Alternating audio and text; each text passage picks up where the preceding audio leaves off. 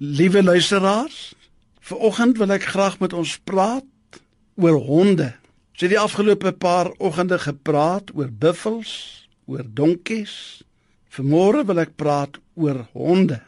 Prediker 9 vers 4 in die Bybel sê: "Want solank as iemand by die lewendes behoort, is daar hoop, want 'n lewendige hond is beter as 'n dooie leeu." God dank vir hoop Solank as vir die evangelie gepreek word, sal daar hoop vir die mensdom wees.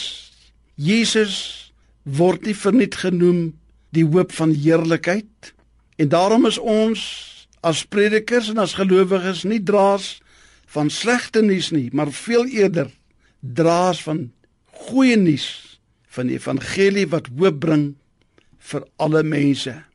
Die dag toe Jesus Christus uit die graf opgestaan het, het hy 'n ewige hoop van heerlikheid by God die Vader vir ons almal moontlik gemaak. Leeu's in ons teks is in verhouding baie sterker en groter as honde. As 'n mens net die naam leeu hoor, is jy klaar bang. Daar's maar net iets aan 'n leeu wat respek afdwing. Ek onthou 'n aand in my lewe as 'n klein woelige seentjie in Standerton waar ons gewoon het. En ek het saam met my oorlede vader na 'n groot wildjagter wat terselfdertyd ook 'n taksidermis was en wat naby ons gewoon het sy huis gegaan. Toe ons by die voordeur inloop, lê daar 'n eislike leeu met sulke groot groen oë vir my en kyk.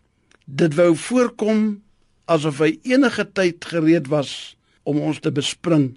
Onnodig om vir u te vertel dat dit ook die aand in my kinderjare was wat ek seker die heel soetste in my hele lewe was, baie stil, soet op my plek naby my pa gesit het.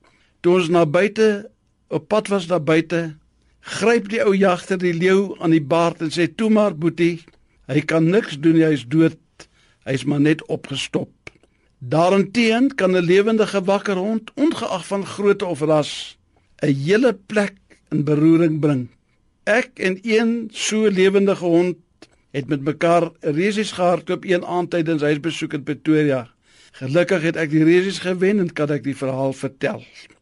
Ons fokus dikwels op die groot dinge in die lewe, die groot talente, die groot massas, die groot aktiwiteite, die groot name. Ons moet egter nooit die krag van klein dingetjies onderskat nie en veral wanneer die Here dit deur sy woord en deur sy gees lewendig gemaak het. Kom ons wees lewende bewegende aksiebeleide entoesiastiese deelnemers aan die talle lewensuitdagings wat vandag voor ons lê. Amen.